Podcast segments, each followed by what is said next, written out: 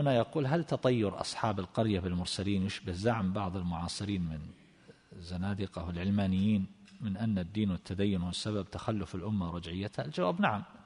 وكذلك أيضا ما يفعله أعداء الله عز وجل هذه الأيام من اليهود والنصارى ومن المنافقين من أعمال من شأنها أن يقول الناس في النهاية بأن ما حصل إنما هو بسبب هؤلاء الذين انجفل الناس على اختيارهم وترشيحهم.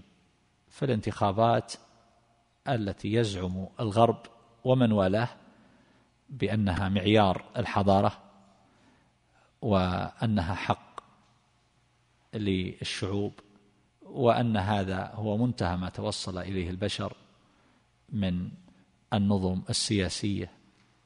يعني الديمقراطية. فتعرفون كيف فعلوا في الجزائر قبل نحو عشرين سنة لما فازت جبهة الإنقاذ فوزا ساحقا بصورة هائلة مذهلة مدهشة قبل عشرين سنة. وإذا رأيت جموع الناس ما كان ذلك الإعلام كما هو اليوم.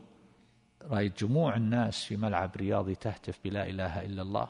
تقول سبحان الله ويل لمن حال بينهم وبين شريعة الله عز وجل. يا ويلهم.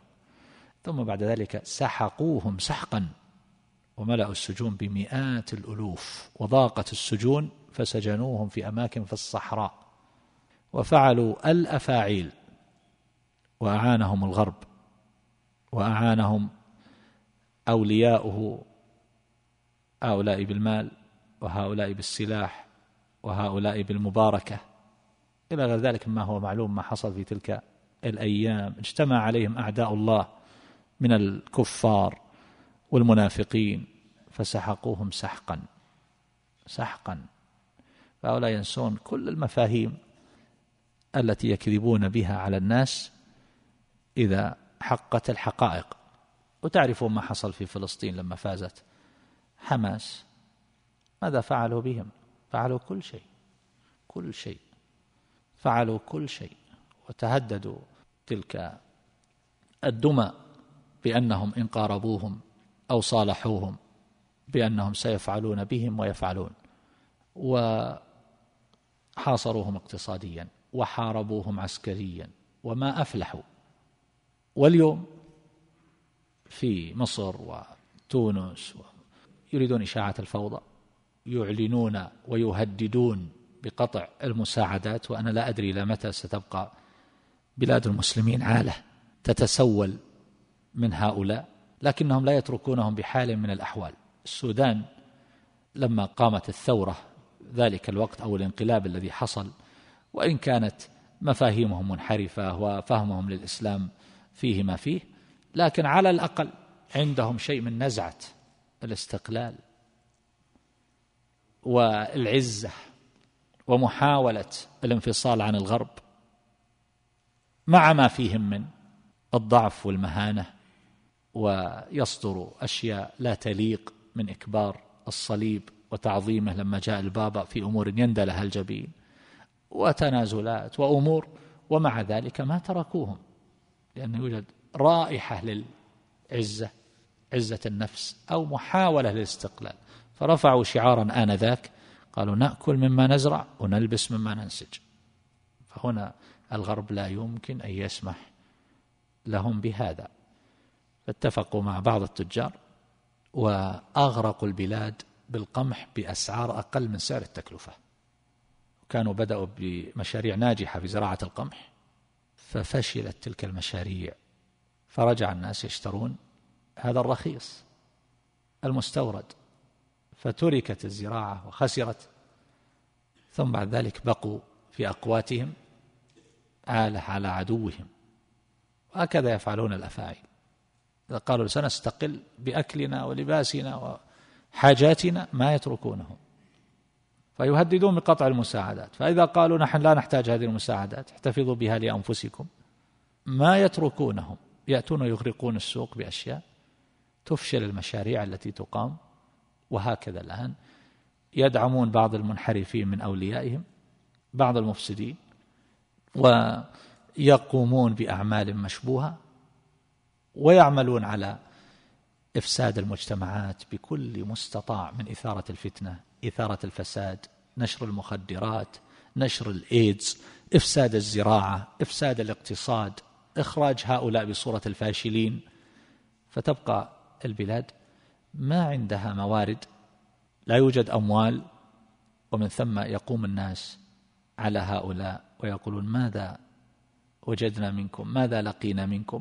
فيكون هذا المشروع الإسلامي الموعود به منذ عقود طويلة. يقال لهم الإسلام هو الحل الإسلام هو الحل هذا الشعار المرفوع.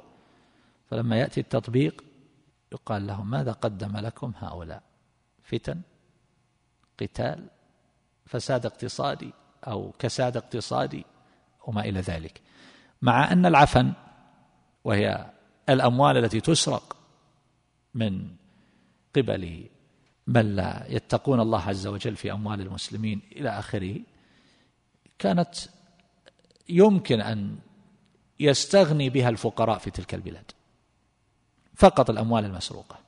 ولما يأتي أناس أصحاب نزاهة يحاصرونهم هذه المحاصرة ثم بعد ذلك يبدون أمام الآخرين أمام الناس أمام المجتمعات أنهم عاجزون. أن البلاد تراجعت. أن الاقتصاد تراجع.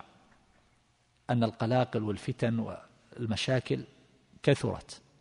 وممن يقومون بهذا ويفرحون به ويروجون له ولو كان على حساب الأرواح ونفوس الناس هم تلك العصابات التي انكشف أمرها وتبينت أنهم فعلا كما قيل بلطجية. يعني حينما ترى مثل هذه الممارسات في تونس مثلا أو في مصر أو يأتون بسيارات مسرعة ويطلقون الرصاص وأشياء إلى آخره هل هذه تقوم به مجموعة تحترم أنفسها وتقدم نفسها على أنها تمثل البلد وتحكم الناس؟ أو أن هؤلاء مجموعة من البلطجية وعصابات إجرام وأنهم لما فقدوا مصالحهم بدأوا يعيثون في البلاد فسادا. وانظر إلى ما يجري الآن في سوريا وهي من أقبح الصور وأسوأها لأنها أيضا تصدر من قوم لا خلاق لهم وأيضا لا إيمان ولا دين فهم من النصيرية الباطنية الذين ليسوا من الثنتين والسبعين فرقة أصلا فهم لا يمتون للإسلام بصلة بل هم حرب على الإسلام وتاريخهم أسود عبر القرون. فجاء الاستعمار الفرنسي وكانت مكاتباتهم معروفة للمستعمر وموجودة يطالبونه بالبقاء وعدم الرحيل لأنه وجدوا فيه المنقذ لهم فقدمهم وصارت هذه العصابة هي التي تحكم بلاد الشام البلاد المباركة هذه العقود المتطاولة. ولبسوا بدلات وكرافتات وظهروا على أنه سيادة الرئيس وزوق لهم الإعلام وزين هذه الصور والأشكال. فظهر هذا النصيري الباطني الخبيث الذي لا يساوي بهيمة. ظهر على أنه رئيس دولة ولابس بدلة وكرافتة.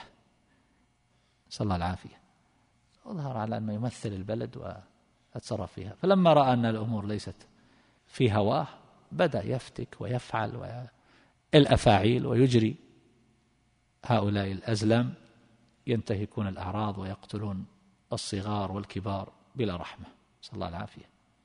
نسأل الله أن يهلكه وأن يهلك زمرته وقومه من هؤلاء الباطنية. وأن يريح منهم البلاد والعباد وأن ينصر دينه ويعز كلمته وأن يبطل كيد الكافرين والمنافقين. والله المستعان. نعم عندكم سؤال؟